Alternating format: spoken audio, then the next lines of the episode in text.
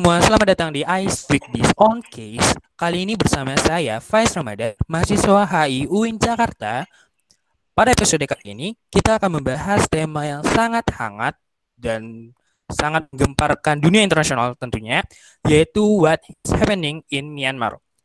Kali ini saya tidak sendirian, saya ditemani oleh Kak Takdir. Halo Kak Takdir. Halo, halo uh, Faiz ya. Iya Kak. Oke, mungkin Kak Takdir bisa memperkenalkan sekilas tentang diri kakak gitu kepada para mendengar. Oke, uh, terima kasih Faiz kesempatannya dan podcast ISC season 1 episode 2 kalau nggak salah ya. Iya Kak. Oke, uh, sedikit saya ya nama lengkapku Muhammad Takdir, biasa dipanggil Takdir. Dulu kuliah di UIN Jakarta, HI jurusannya angkatan 2010. S2 di Australia, ambil jurusan Master of Diplomacy di Australian National University. Uh, sekarang kesibuk kemarin kesibukan di UIN Jakarta ngajar di HI dan sekarang lagi sibuk di ASEAN Sekretariat. Uh, disclaimer, semua nanti uh, opini atau pendapat yang ada di, di diskusi kita itu semata apa namanya tidak mewakili institusi tapi lebih ke pendapat pribadi. Itu sih. Oke. Menarik nih dari backgroundnya kakak. Oke. Okay. Boleh. Um, kita sama tahu lah ya kak. Ketika ya masalah pandemi COVID-19 lagi happening dengan banyak masalahnya, masalah tentang virusnya, kemudian vaksinnya, tiba-tiba dan tidak disangka-sangka Myanmar bergejolak gitu di internalnya. Menurut apa sih apa sih sebenarnya yang terjadi di Myanmar pada saat ini itu?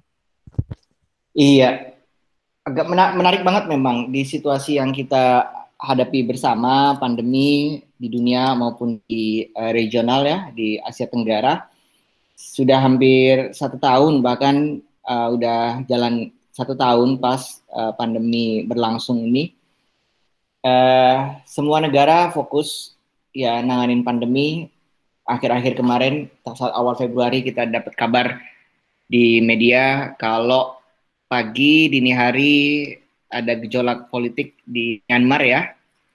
Ada sebuah penangkapan uh, kepala negara dan beserta petinggi-petinggi partai dari NLDP sana uh, ditangkap. Itu cukup mengejutkan karena uh, kita tahu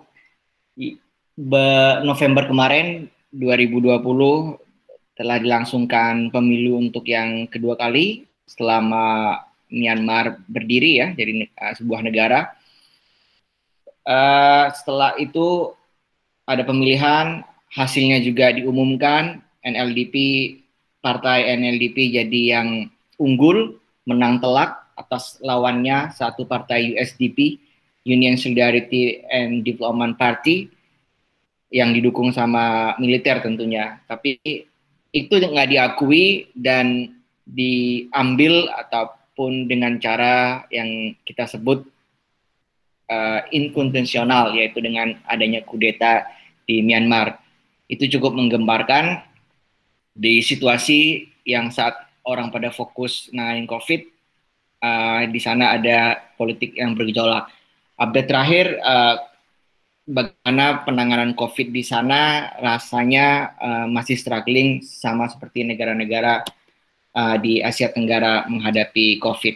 Itu sih ya yang terjadi sekarang uh, mengheboh, yang mengejutkan dan sekarang lagi ongoing isunya di tuntutan-tuntutan beberapa dari pendukung partai NLDP itu meminta untuk dilepas uh, Aung San Suu Kyi-nya beserta para para penduk uh, para ininya ya petinggi-petinggi partainya. Tapi uh, belum ada respon dari uh, pihak junta militer itu. Sementara yang terjadi sekilas update apa yang terjadi di Myanmar akhir-akhir uh, ini seminggu terakhir ini bahkan oke aku pernah baca sih kak, uh, bahkan partai yang dikepalai oleh Aung San Suu Kyi ya, kalau aku nggak salah. Iya iya. Itu memperoleh suara hingga 85 persen. Oh iya betul. 83 kalau nggak iya 83 penting kak dari dari para pemilih yang yang memilih dalam pemilu tersebut gitu.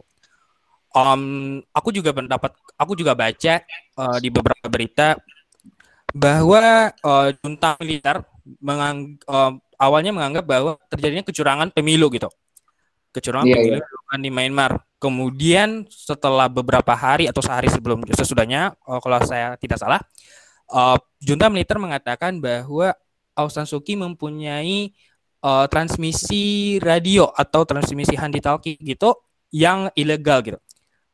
Karena alasan itu ditangkap gitu. Kakak, apakah alasan itu dibuat buat oleh junta militer atau gimana gitu? untuk alasan ya. penangkapan dilakukan oleh Sang Suki gitu. Menarik uh, pertanyaannya bahwa banyak memang uh, katakan klaim-klaim dari pihak uh, junta militer ya. Uh, mulai satu memang awalnya diisukan bahwa pemilihan tidak fair karena ada kecurangan-kecurangan voters. Yang kedua akhir-akhir ini muncul karena punya line khusus ya, katakan punya toki-toki yang dianggapnya itu uh, membahayakan dan lain-lain. Tapi dari uh, katakan tuduhan-tuduhan yang ada, yang paling penting adalah uh, bisa dibuktikan. Itu kan baru dugaan ya, kalau kita itu baru dugaan ke On Suci ya, tapi yang paling penting adalah bagaimana itu bisa dibuktikan, terutama yang paling mendasar mengenai uh, kecurangan di pemilihan. Kalau memang ada ada bukti bisa dibuktikan melalui uh, jalur konstitusional itu uh, bisa sangat baik demi keamanan stabilitas politik uh, domestik karena keamanan domestik itu stabil bisa juga punya dampak terhadap uh, keamanan regional. Itu sih yang penting uh, bisa membuktikan. Kalaupun memang itu ada klaim, harapan saya bisa dibuktikan dan diuji, di, dibawa ke mahkamah setempat. Itu sih uh, kalau pendapat saya. Kalau isu uh, yang berkembang sekarang, memang akan terus berkembang ya. Uh, nanti bakal ada tuduhan-tuduhan lain ataupun klaim dari pihak USDP uh, gimana nanti. Oke. Oh mungkin pertanyaan singkat aja kak. Mm.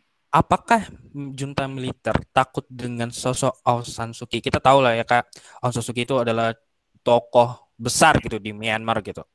Apakah junta militer sangat takut dengan tokoh seorang Aung San Suu Kyi gitu?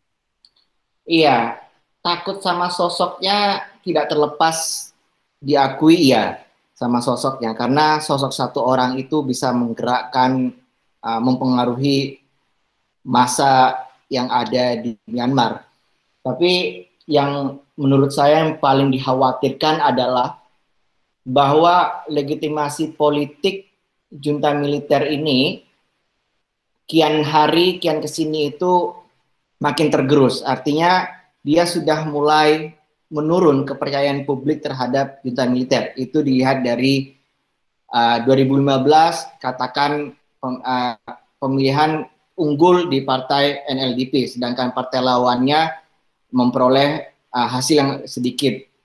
Setelah lima tahun dilakukan pemilihan, itu masih menentukan bahwa partai USDP yang didukung oleh junta militer itu menunjukkan arta yang tidak menunjukkan angka yang tidak signifikan. Itu menunjukkan bahwa legitimasi politik atau kepercayaan publik terhadap partai yang didukung oleh militer uh, melawan partai sipil itu kian hari kian menyusut. Makanya kekhawatiran itu yang membuat uh, junta militer ini katakan kebakaran jenggot.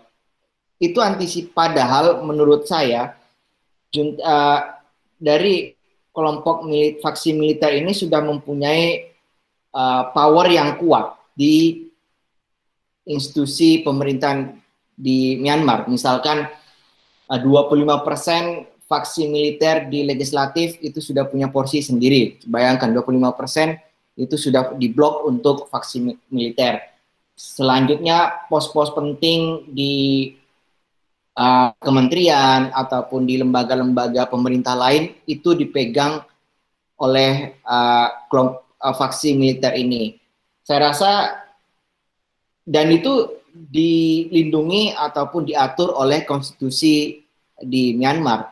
Saya rasa itu sudah cukup hmm, apa ya sudah kuat sebenarnya. Tapi uh, dalam ini ya dalam menentukan arah politik ataupun dia bisa ngepush NLDP government di sana. Tapi uh, lagi-lagi karena uh, apa ya kepa, uh, haus akan ini power bisa jadi itu yang menjadi uh, langkah yang diambil oleh uh, militer karena ini ya tadi power karena perebutan kekuasaan dan uh, namanya kekuasaan itu tidak pernah ada cukupnya dan terus diakumulasi hingga uh, tidak ada yang bisa melawan satu partai tersebut. Itu sih.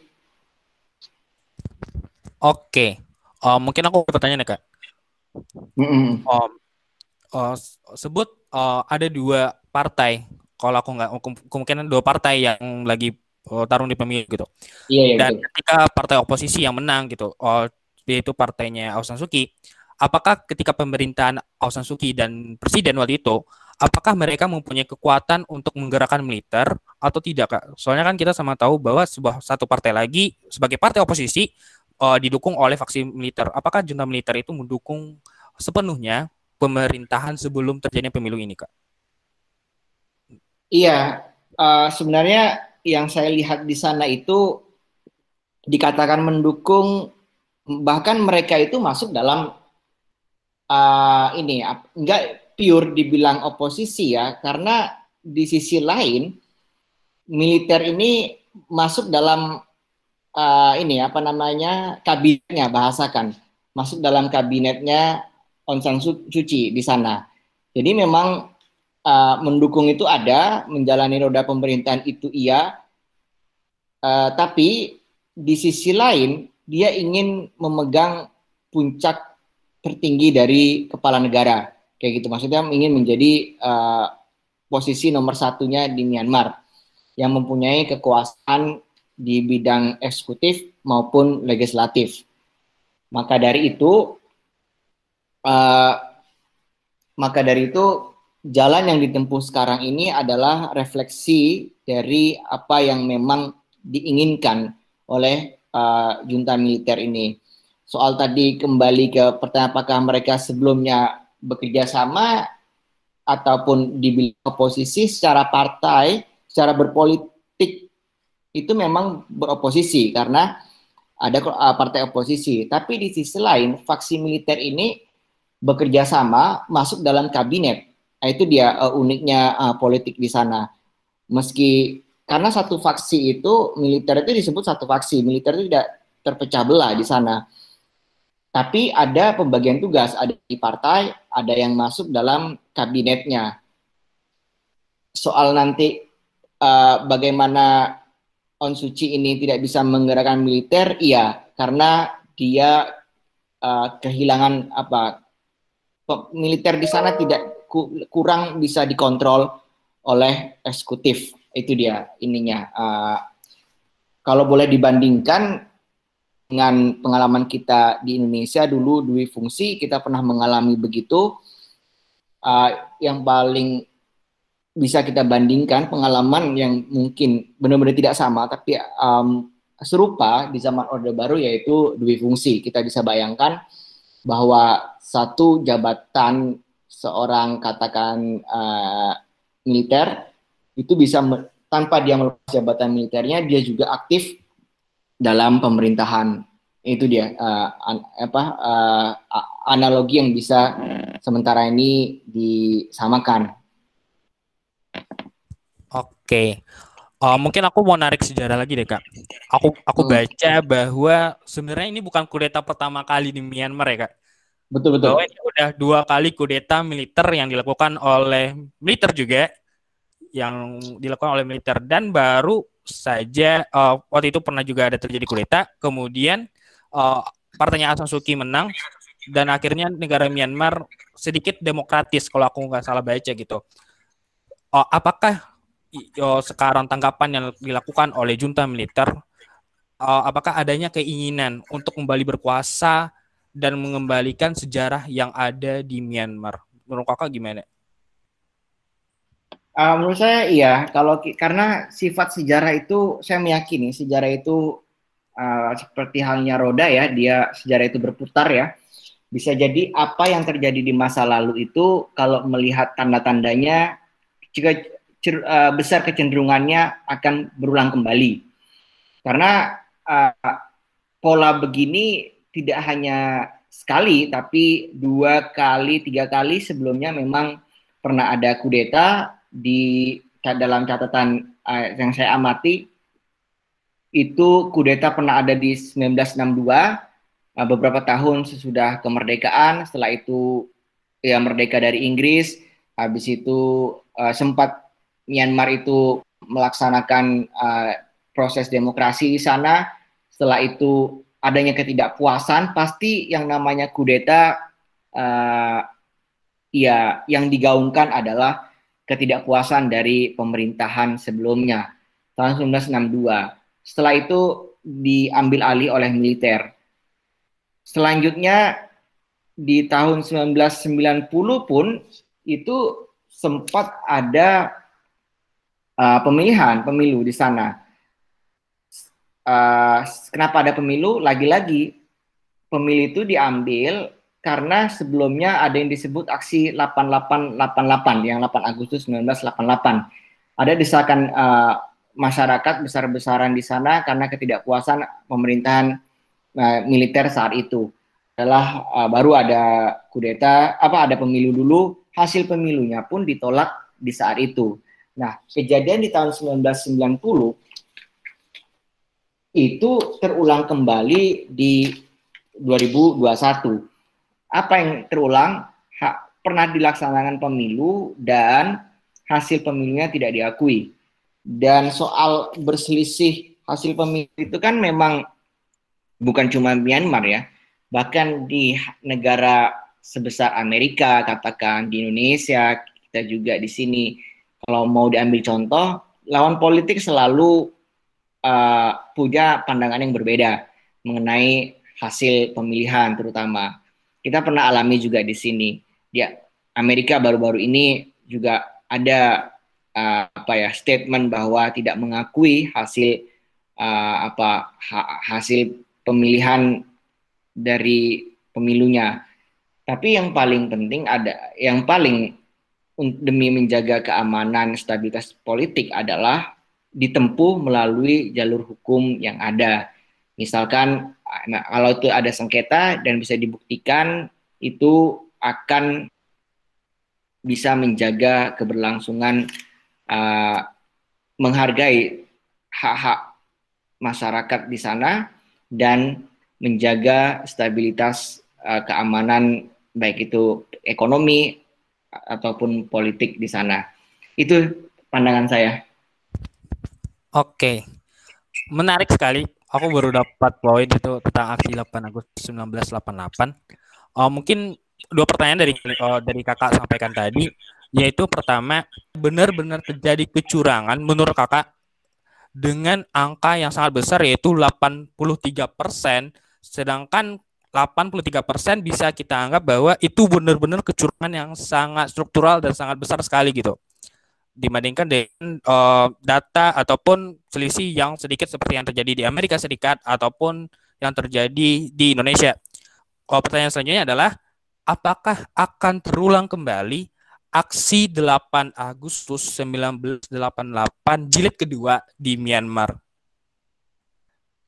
Iya, uh, mengenai yang pertama tadi, apakah ini ya betul-betul ada kecurangan atau tidak? Eh, lagi-lagi kalau dari saya melihat uh, biarlah menunggu ini apa namanya kalau memang mau ditempuh di kalau memang mau uh, dari partai lawan ingin membuktikan itu uh, sangat baik sekali ya.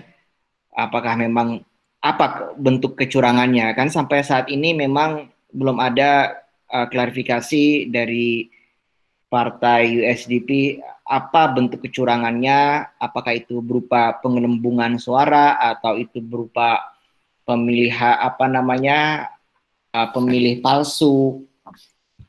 Itu uh, nunggu hasil tidak saya tidak mendahului uh, apa ya hasil buk, hasil ataupun barang bukti yang akan disampaikan di sana. Karena uh, perlu kalau memang itu betul ada perlu dibuktikan kalaupun tidak ada uh, bagaimana perkembangan uh, politik sebelumnya itu perlu uh, pencermatan yang lebih uh, jauh lagi.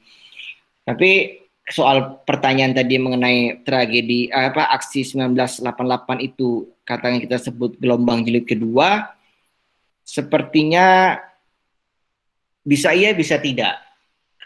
Saya mulai dari tidak mungkin karena sekarang satu kondisinya memang pandemi ya jadi uh, beberapa bisa jadi itu menjadi alasan pemerintah untuk melakukan jam malam ataupun menyetop pergerakan uh, ini masyarakat di sana. Jadi mengambil momen sekarang itu menurut saya uh, junta militer mengambil pandemi di, uh, diambil momennya saat masyarakat tidak bisa keluar untuk konsolidasi itu akan menyulitkan untuk berkumpul dan melakukan aksi besar-besaran. Bahkan nanti bisa dibilang uh, di, akan diberlakukan jam malam dengan alasan untuk menjaga protokol kesehatan. Yang kedua, kita sama-sama tahu kalau uh, media di sana sedang media medsos ya, sedang diblokir, akses internet juga dibatasi. Itu akan uh, menyulitkan uh, masyarakat di sana untuk konsolidasi melakukan aksi perlawanan.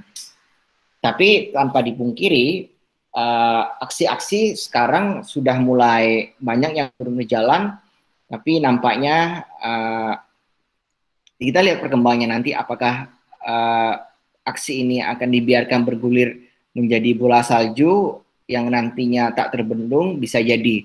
Tapi kalau pemerintah yang sekarang ini maksudnya junta ini melakukan tindakan-tindakan yang cukup represif dan menelan akan banyak korban tentu uh, akan sangat sulit.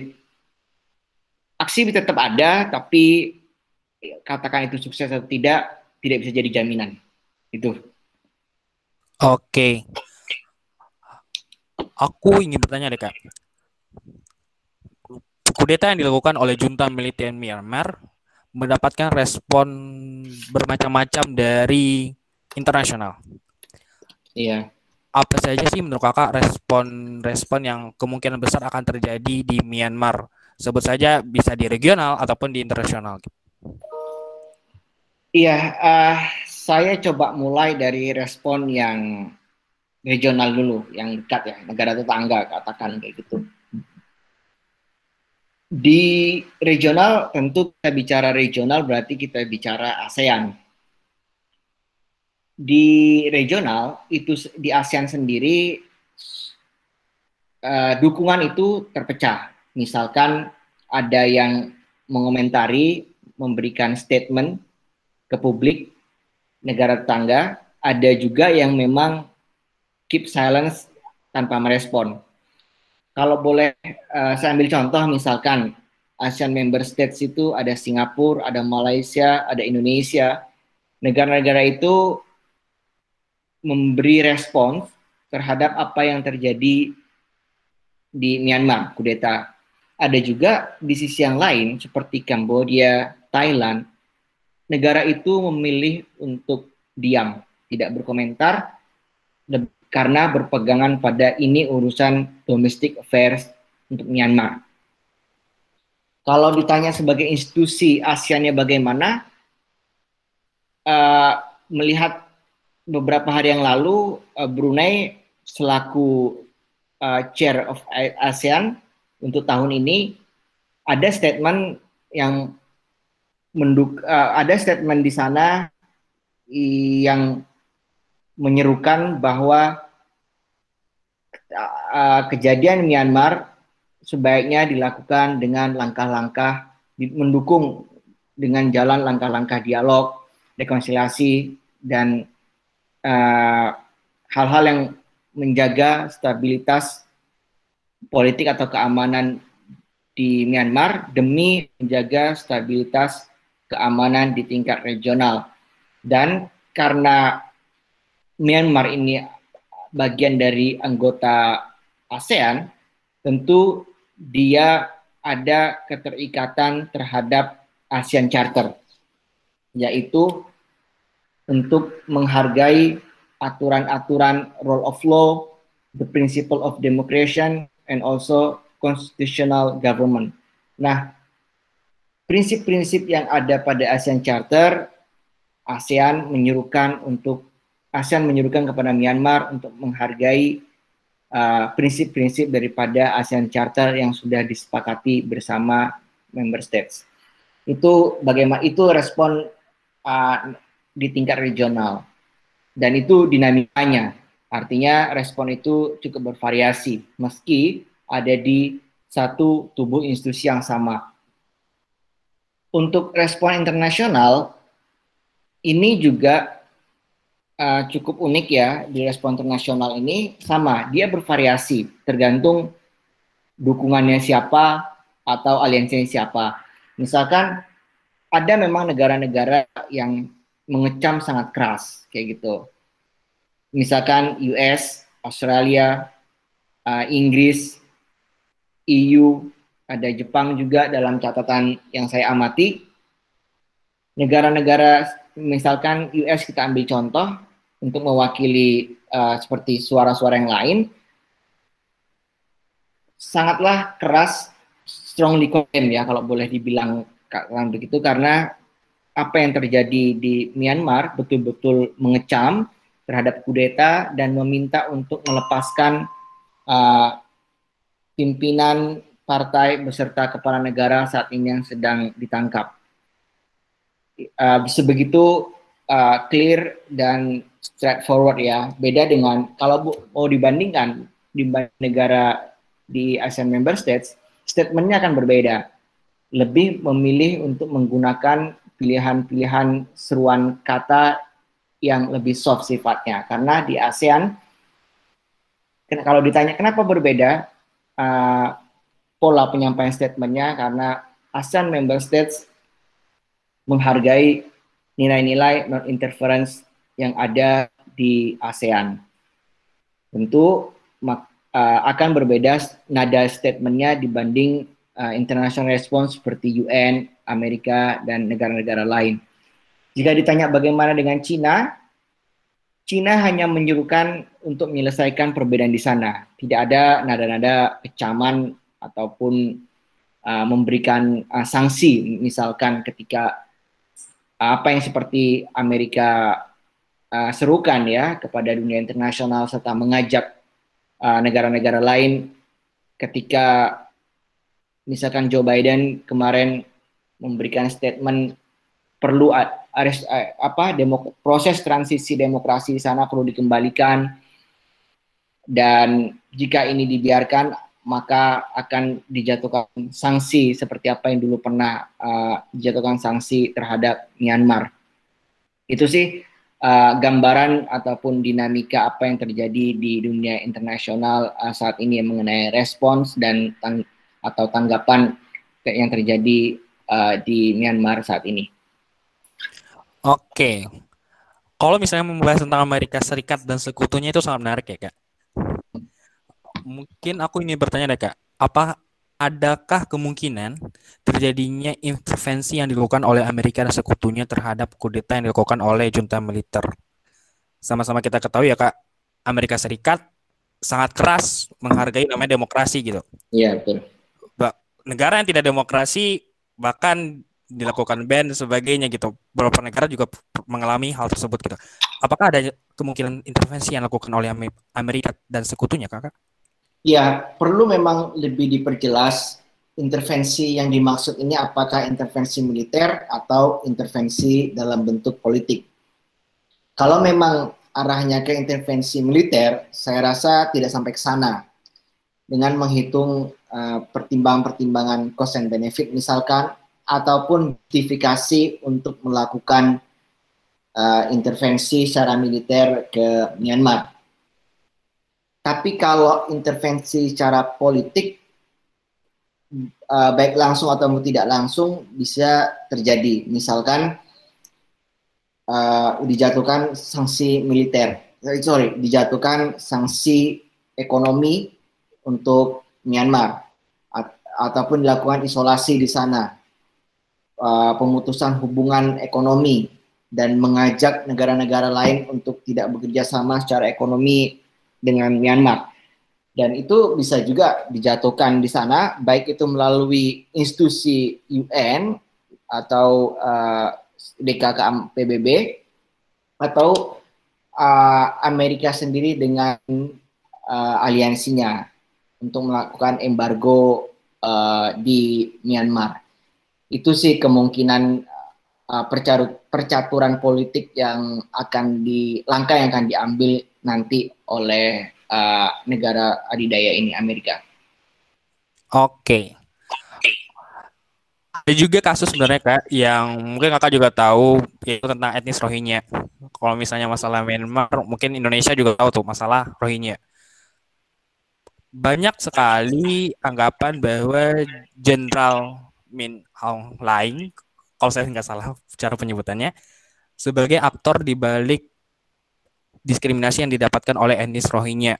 Apakah etnis Rohingya akan semakin didiskriminasi oleh junta militer atau apakah akan lebih baik gitu kak?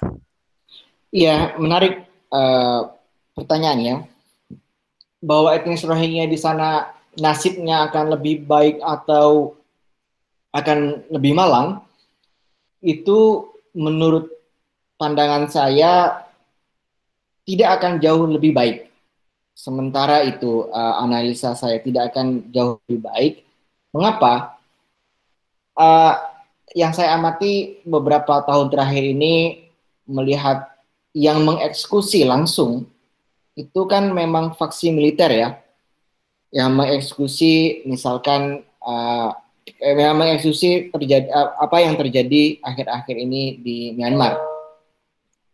Selanjutnya dan kejadiannya di Rohingya ini kan bukan eh, lima tahun terakhir, bahkan dari sejak tahun 1970, 80 dari dulu memang uh, Rohingya ini dijadikan kelas kedua. Oleh siapa? Kalau kita mau hitung secara timeline, ya yang paling banyak berkuasa hampir lima dekade itu dari faksi militer Nah, maka dari itu faksi militer lah yang paling banyak berkuasa di masa ya Myanmar itu ada menjadi sebuah negara dan di sana ada satu etnis minoritas uh, apa Rohingya dan etnis itu menjadi kedua selama sepanjang masa kepemimpinan uh, junta militer.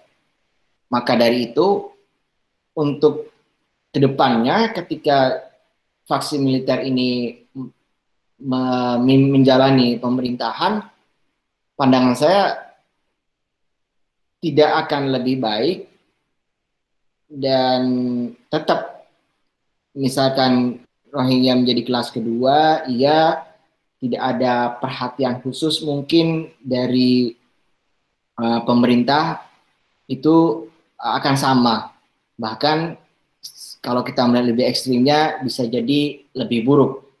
Tapi uh, kita serukan semoga, semoga tidak terjadi hal-hal yang lebih buruk yaitu harapan kita.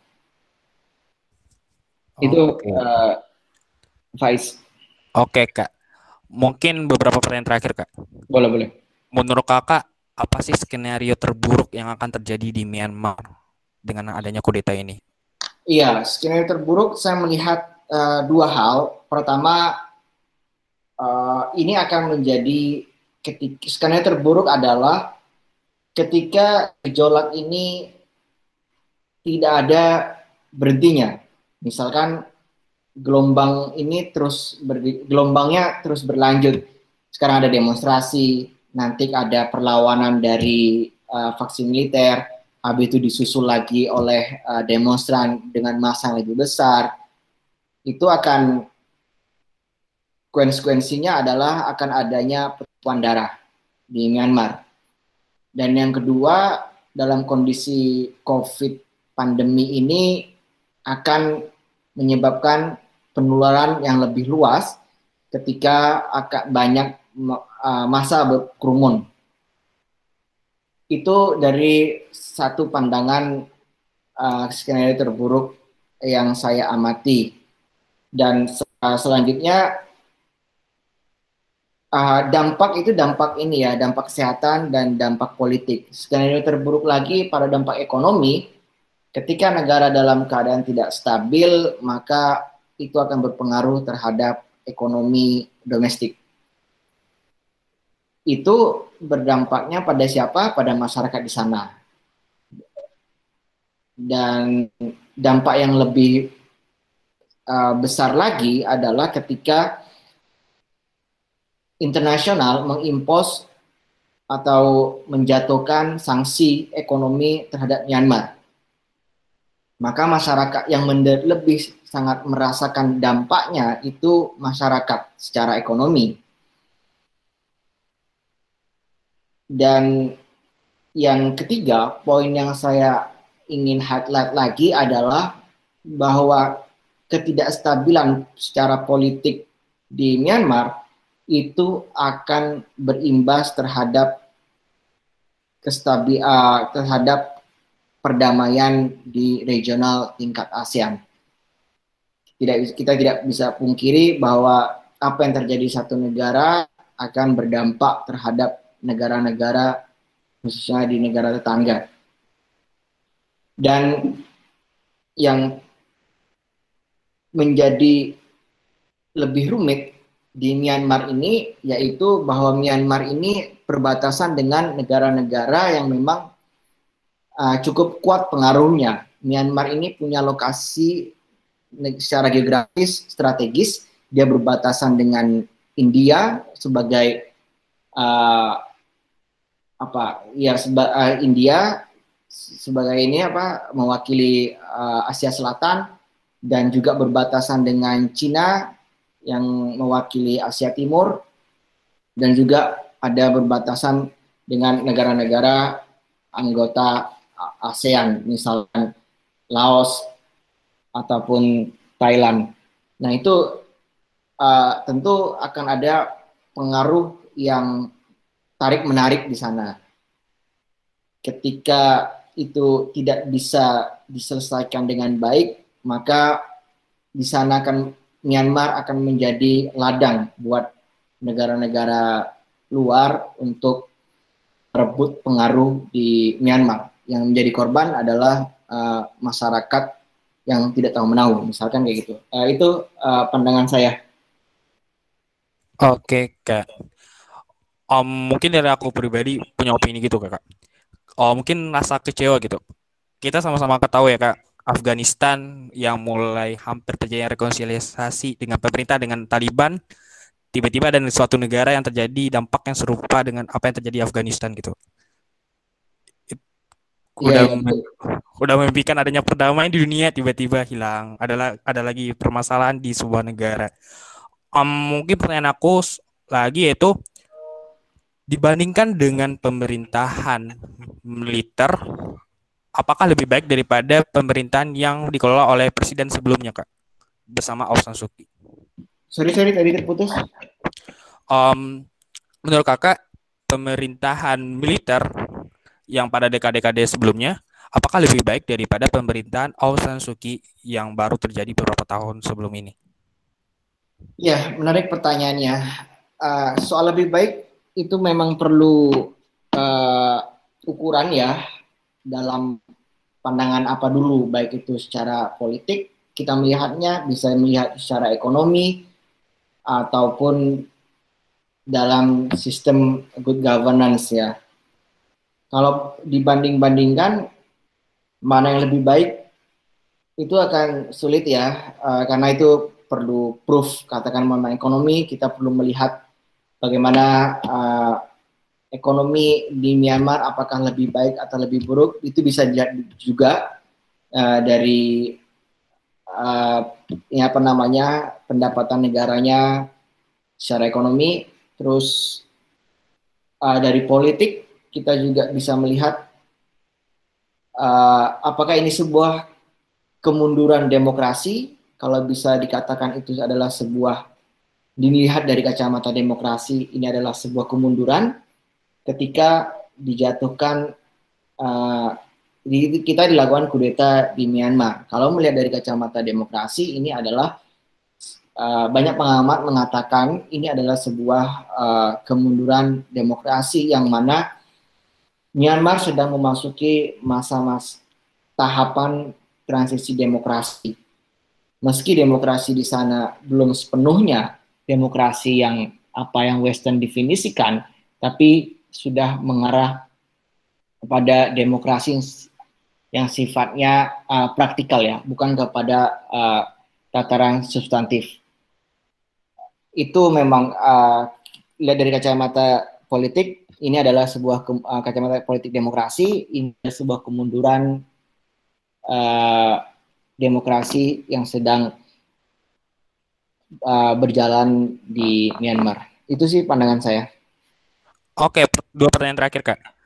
Oh, pertanyaan pertama yaitu apabila Aung San Suu Kyi dilepas dan kemudian dinyatakan menang secara pemilihan umum, apakah akan terjadinya revolusi besar-besaran di pemerintahan Myanmar di mana uh, militer akan dipisah dari pemerintahan seperti yang terjadi di Indonesia. Terus uh, pertanyaan kedua adalah apakah Myanmar cocok di, sebagai negara demokrasi? Itu kak.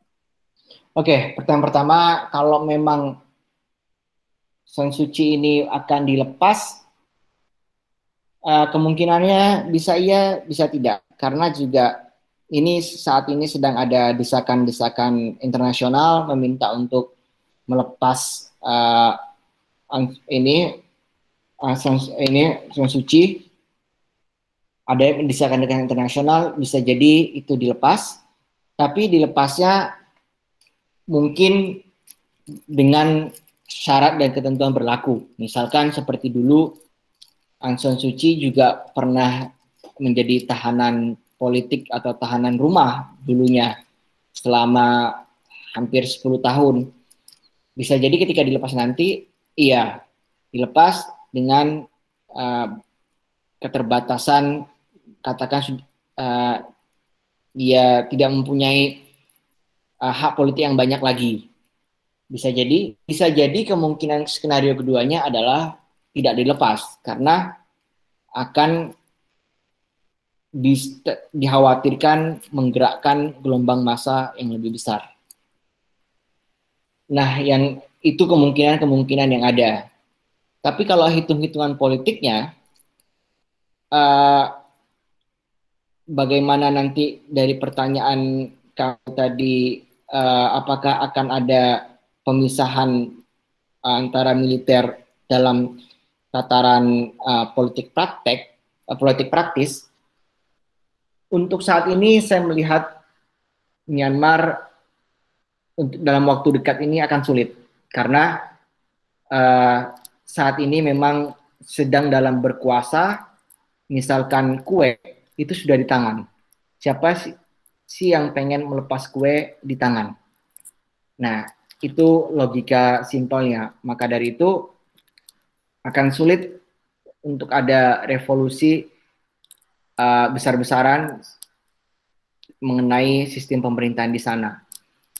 Yang kedua, bahwa di Myanmar itu perlu diketahui keterlibatan militer dalam politik praktis itu dilindungi oleh konstitusi yang berlaku di Myanmar. tentu karena militer di sana punya suara di legislatif sebesar 25% dan itu punya faksi sendiri, udah diblok. Nah, maka dari itu katakan begini, produk hukumnya mereka juga yang buat. Mereka juga dari orang-orang mereka juga yang menentukan arah uh, politik roda pemerintahan di sana.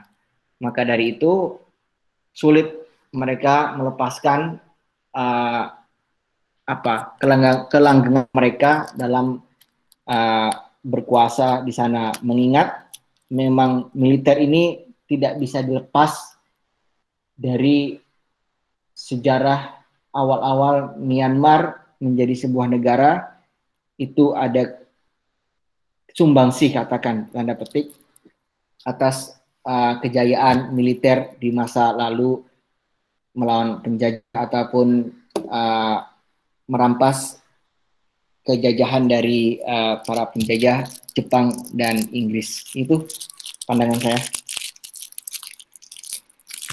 Oke. Dari pertanyaan terakhir tadi menutup oh, podcast kita pada hari ini aku pengen ngucapin terima kasih kepada Kak Tadir yang udah menyempatkan hadir dan mengisi podcast kepada kali ini di sela waktu sibuk-sibuk kakak. Makasih banyak ya kak. Sama-sama, sama-sama senang bisa bernostalgia dengan ISC. Untuk informasi, saya aktif di ISC bersama bareng dulu sama Andri itu uh, Andri Zainal sekitar 2011-an sampai 2013 saya aktif di ISC. Jadi uh, dapat undangan dari uh, teman-teman ISC uh, feeling nostalgia. Oke. Okay. Bisa Mungkin... nyapa sama teman-teman ISC. Semoga sedikit pandangan saya menyemangati teman-teman uh, pendengar di sana yang sedang kuliah terutama dan uh, masyarakat luas. Oke. Ini gara-gara kakak juga anak ISC. Maaf ya kak, aku nambah lagi. Pesan dan kesan untuk anak ISC untuk saat ini kak. Pesan kesannya uh, karena selama ini pandemi, jadi kurang berinteraksi secara langsung ya sama uh, teman-teman ISC. Tapi saya mengamati, saya mengikuti dari kejauhan, melihat dari postingannya, uh, diskusi-diskusi yang diadain dari yang di-share di Instagramnya. Ia cukup aktif uh, teman-teman ISC dan saya acung dua jempol bahwa yang sulit adalah bukan bikin organisasinya tapi uh, melangsungkan organisasi itu dari satu generasi ke generasi seterusnya. Itu uh, saya acung jempol dan saya berharap ISC terus berkembang jadi wadah buat teman-teman mahasiswa HI atau non HI bahkan untuk tempat bertukar pikiran sesuai dengan uh, tagline-nya. Apa tagline-nya? DSC Rich, Rich Global Experience. Ya Rich Global Experience. Jadi tidak cuma pengalaman yang kita kunjungi di tempat-tempat negara tertentu tapi pengalaman itu bisa dapat dengan kita berdiskusi di teman-teman di luar lingkaran uh, main kita. Itu kalau dari saya dan terus uh, semangat buat teman-teman yang masih aktif kuliah di mana pun teman-teman yang menyimak podcast kita uh, semoga menginspirasi itu sementara ya.